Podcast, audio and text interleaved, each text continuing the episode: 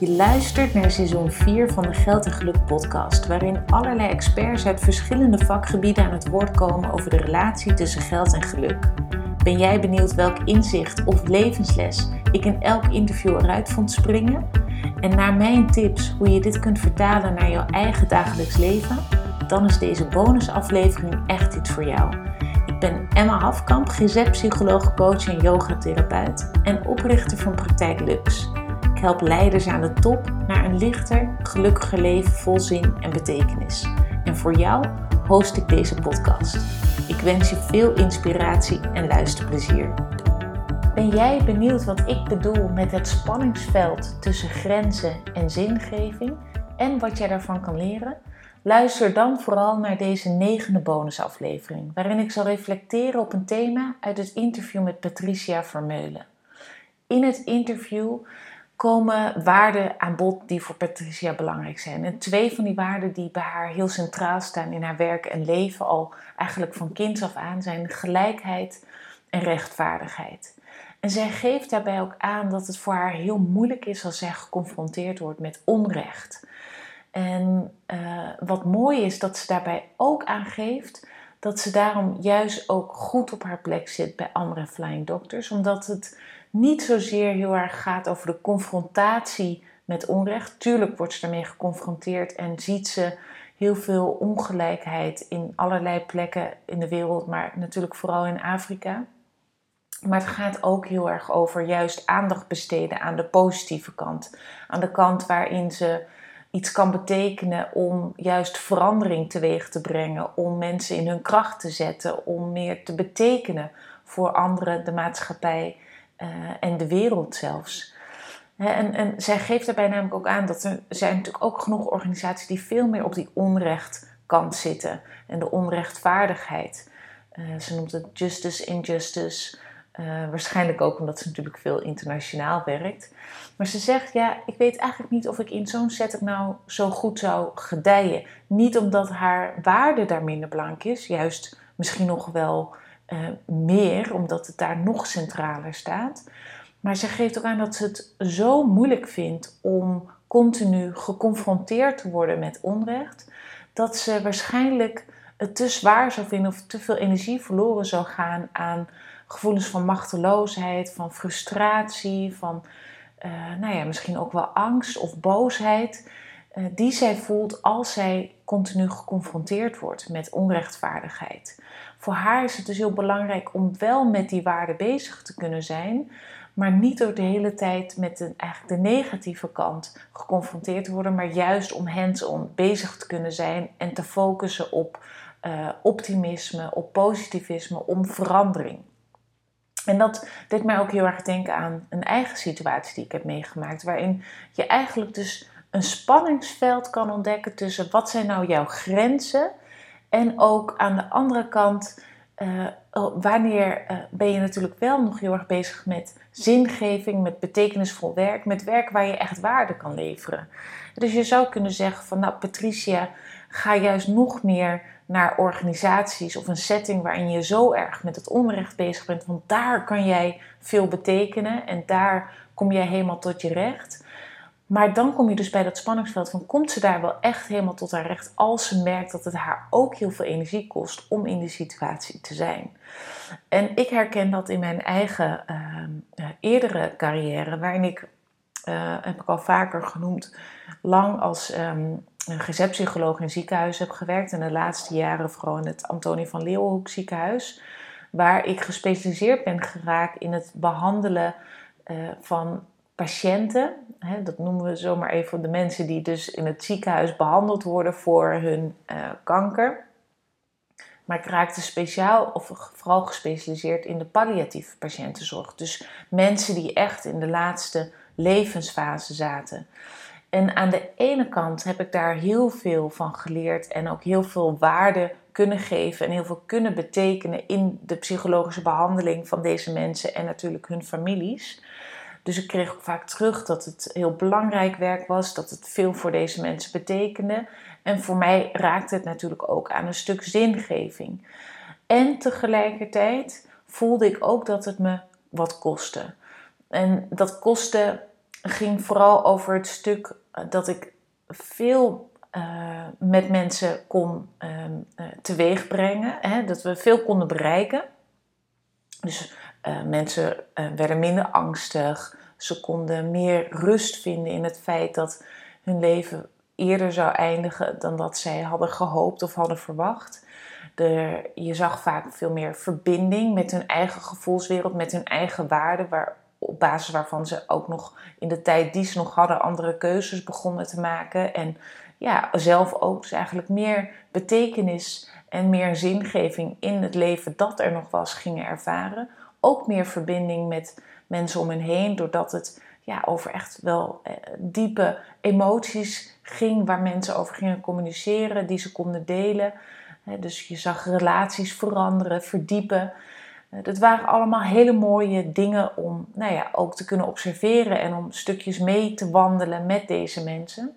En tegelijkertijd vond ik het af en toe ook best heel zwaar. Deze, de, nou, je zou kunnen zeggen dat ongeveer 80% van de mensen die ik zag, die, die gingen overlijden. Uh, dus er was ook natuurlijk naast betekenisgeving, naast zingeving, naast verdieping en verbinding, was er ook veel angst, veel somberheid, veel trauma. Uh, en ging het veel om dood en sterven.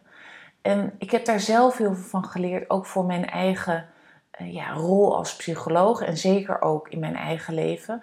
Dat op het moment dat je natuurlijk zoveel bezig bent met ook de eindigheid van het leven, dat ik heb gemerkt als je eigenlijk dus meer de dood betrekt bij je leven, dat het leven daardoor ook veel rijker kan worden, omdat je meer bewustere keuzes gaat maken.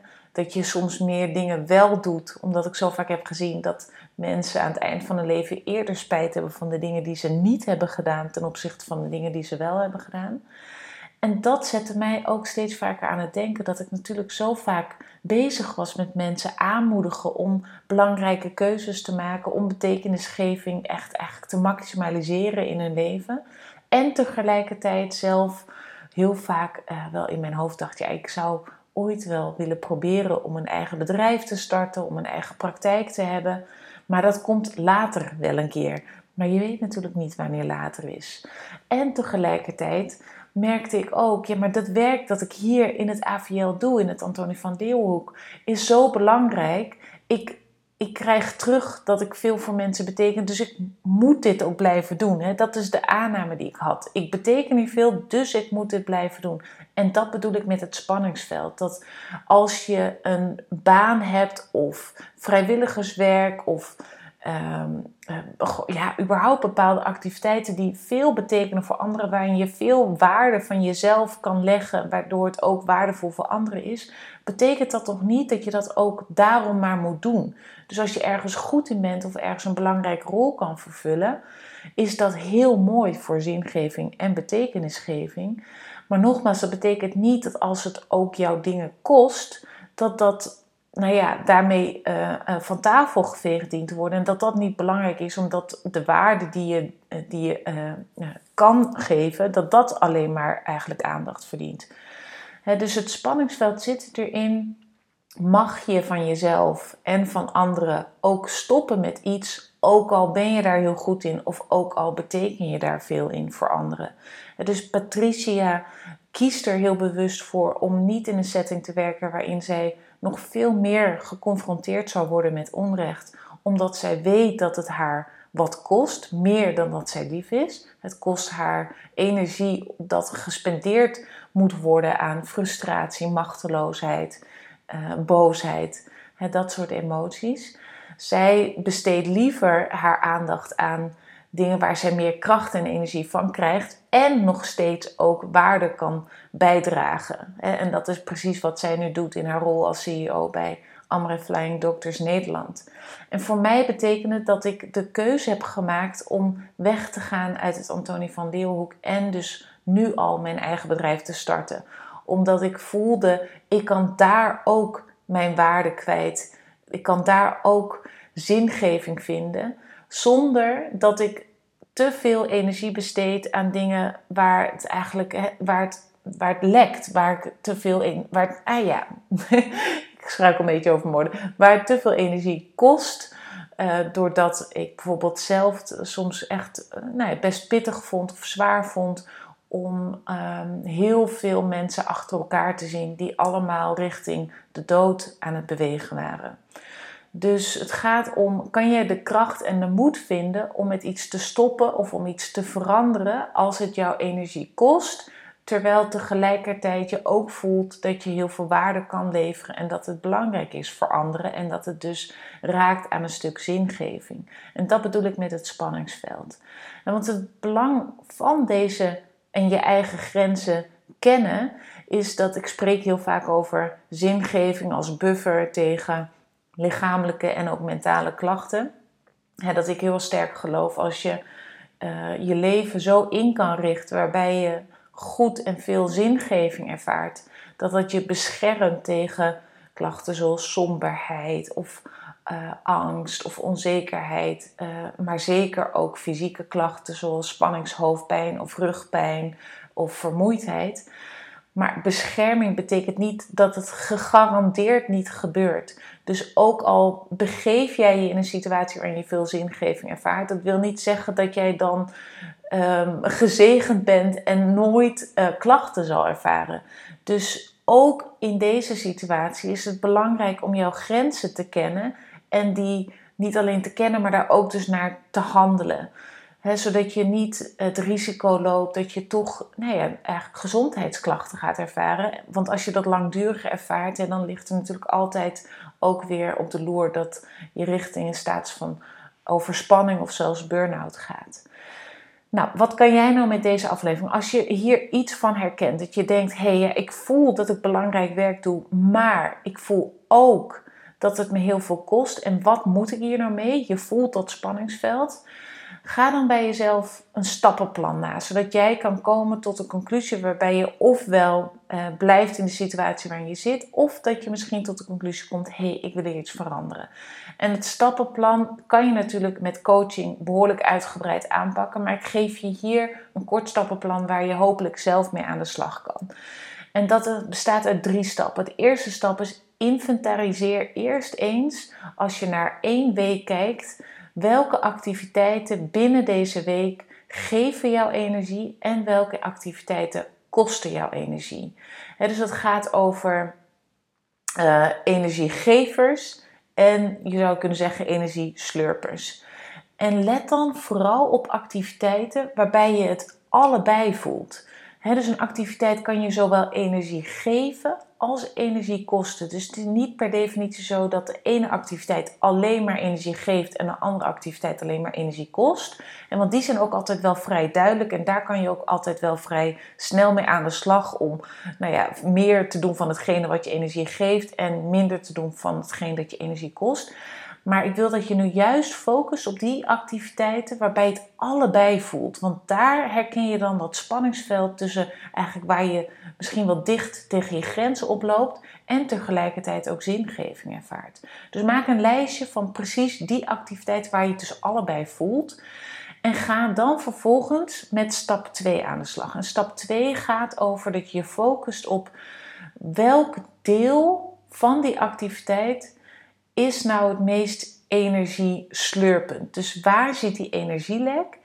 En probeer dan te reflecteren op wat is de oorzaak van die energielek? Is dat omdat je het te spannend vindt? Of is dat omdat het te veel raakt aan emoties die jou te veel kosten? Zoals nou ja, in Patricia's geval hè, frustratie en boosheid is. In, in mijn geval was het vooral de zwaarte van uh, het, elke keer geconfronteerd worden met somberheid en de eindigheid van, van het leven en mensen die continu afscheid ook van mij moesten nemen. Dus achterhaal de oorzaak van de energielek. En dan kom je bij stap 3 en dat is je wil dit energielek dichten. Uh, en als je goed de oorzaak weet, kan jij bedenken of je energielek kan dichten door misschien iets aan te passen in de situatie. Of dat je misschien wel de hele situatie overboord moet gooien en naar een nieuwe situatie op zoek moet gaan. dus in mijn geval, ik heb mijn baan opgezocht en ben mijn eigen onderneming gestart. Nou, dat is vrij groot en rigoureus. Maar het kan vaak ook best wel zo zijn dat je een kleine aanpassing kan doen door uh, ja, je eigen houding te veranderen of door misschien bepaalde taken uit te besteden of het meer te delen met anderen, waarbij je het lek van de energie meer kan dichten. Zodat je wel in de situatie kan blijven, maar dat het, je, dat het eigenlijk de balans met energie geven en, en energie krijgen, of energielek eigenlijk, hè, dat die in ieder geval meer naar de positieve kant uitslaat. Dus heel kort gezegd, stap 1, inventariseer wat de activiteiten zijn die zowel energie kosten als energie geven, waar je dus echt dat spanningsveld voelt. 2, achterhaal de oorzaak van de energielek in die activiteit. En 3, dicht dat lek door, nou ja, ofwel helemaal uit de situatie weg te gaan, of hè, subtieler en genuanceerder dat je iets in de situatie verandert, waardoor dat energielek gedicht kan worden. Mocht dit vragen bij je oproepen, of je denkt, nou, ik kom er niet zelf uit en ik zou graag willen dat je even meekijkt met mij, je weet me te vinden en uh, ik hoor je graag. Ik hoop dat je genoten hebt van de aflevering en dat je geïnspireerd bent geraakt. Wil je geen enkele aflevering missen? Abonneer je dan op de Geld en Geluk podcast door op de knop volgen of abonneer te klikken. Ook zou ik het ontzettend waarderen als je een review achter wil laten in de app waarmee je deze aflevering hebt geluisterd. En heb je nu het gevoel dat jij ook op zoek wilt gaan naar hoe jij een lichter, gelukkiger en meer betekenisvol leven kan gaan leiden? Bekijk dan mijn aanbod op de website www.praktijk-lux.nl of stuur een e-mail naar info.praktijk-lux.nl. Ik kijk er naar uit om je te ontmoeten.